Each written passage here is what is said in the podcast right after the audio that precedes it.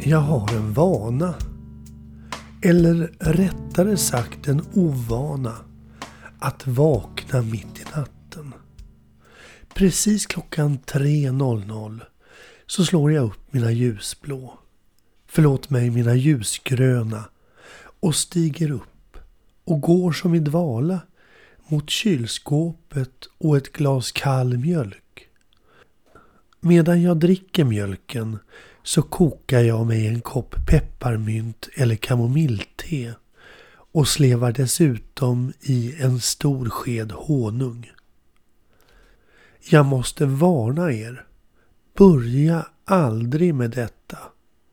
Det är djupt beroendeframkallande och säkert inte särdeles nyttigt heller för den delen. Sedan slår jag mig ner i vardagsrummet och då börjar hundarna vakna till liv och stiger också de upp och kommer lunkandes ifrån sovrummet, dricker lite vatten i köket för att sedan slå sig ner i soffan bredvid mig. Jag tänker på att det är nog ett par hundar för mycket. Men om jag hade haft många barn hade jag då i hemlighet överlagt att ta livet av dem? Självklart inte. Och hundarna är ju en sorts ersättning för de barn som jag aldrig fick. Men jag bestämmer mig i alla fall att dessa franska bulldoggar ska bli de sista hundarna i mitt liv. Aldrig ska jag skaffa några andra kärlekar längre fram i livet. De skänker mig sådan glädje att de nästan älskar ihjäl mig. Och i deras ögon ser jag en sorts dyrkan.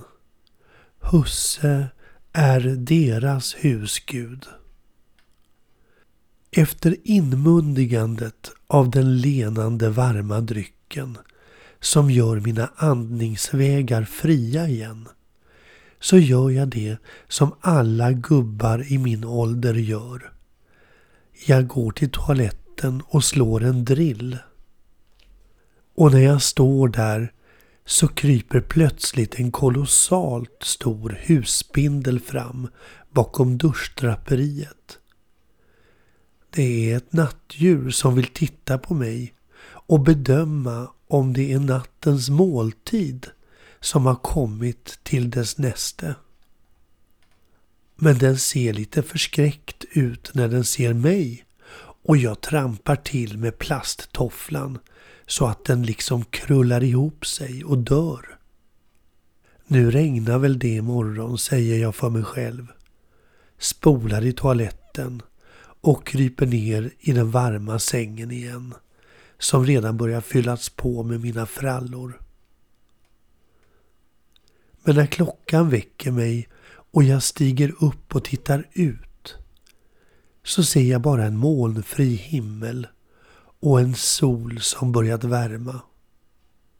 Och när jag sedan återvänder till badrummet och fäller upp toasitsen så ser jag nattens ihjältrampade spindel bredvid nere på golvet.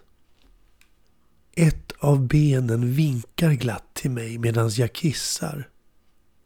De sista nervryckningarna i spindelns ben går på någon sorts automatik.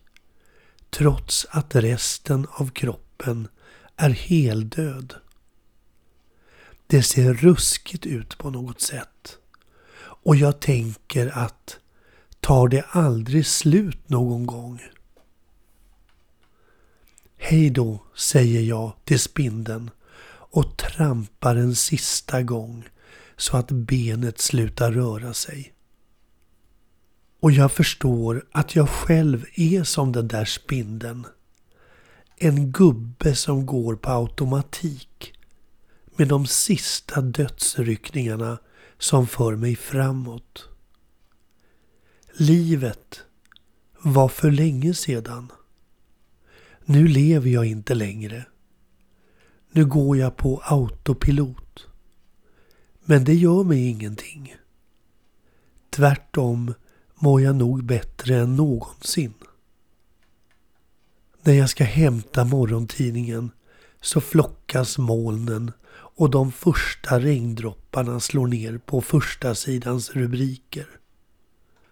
Och jag tänker att jag i alla fall kunnat styra regnet genom att döda en spindel. Och jag skrattar tyst för mig själv. Precis så trodde jag i min barndom. Det finns kanske lite hopp ändå. Gubben är kanske inte helt förlorad. Om än med det ena benet glatt vinkande mot de döda. Med hälsningen Snart kommer också jag.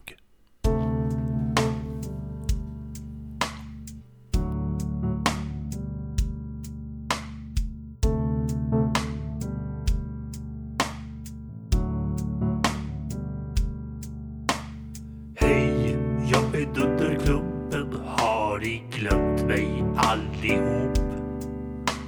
Förr, var jag en kändis men nu sitter jag i min grop.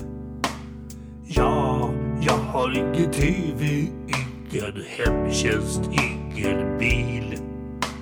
Jag sitter på en stubbe ute i skogen många mil.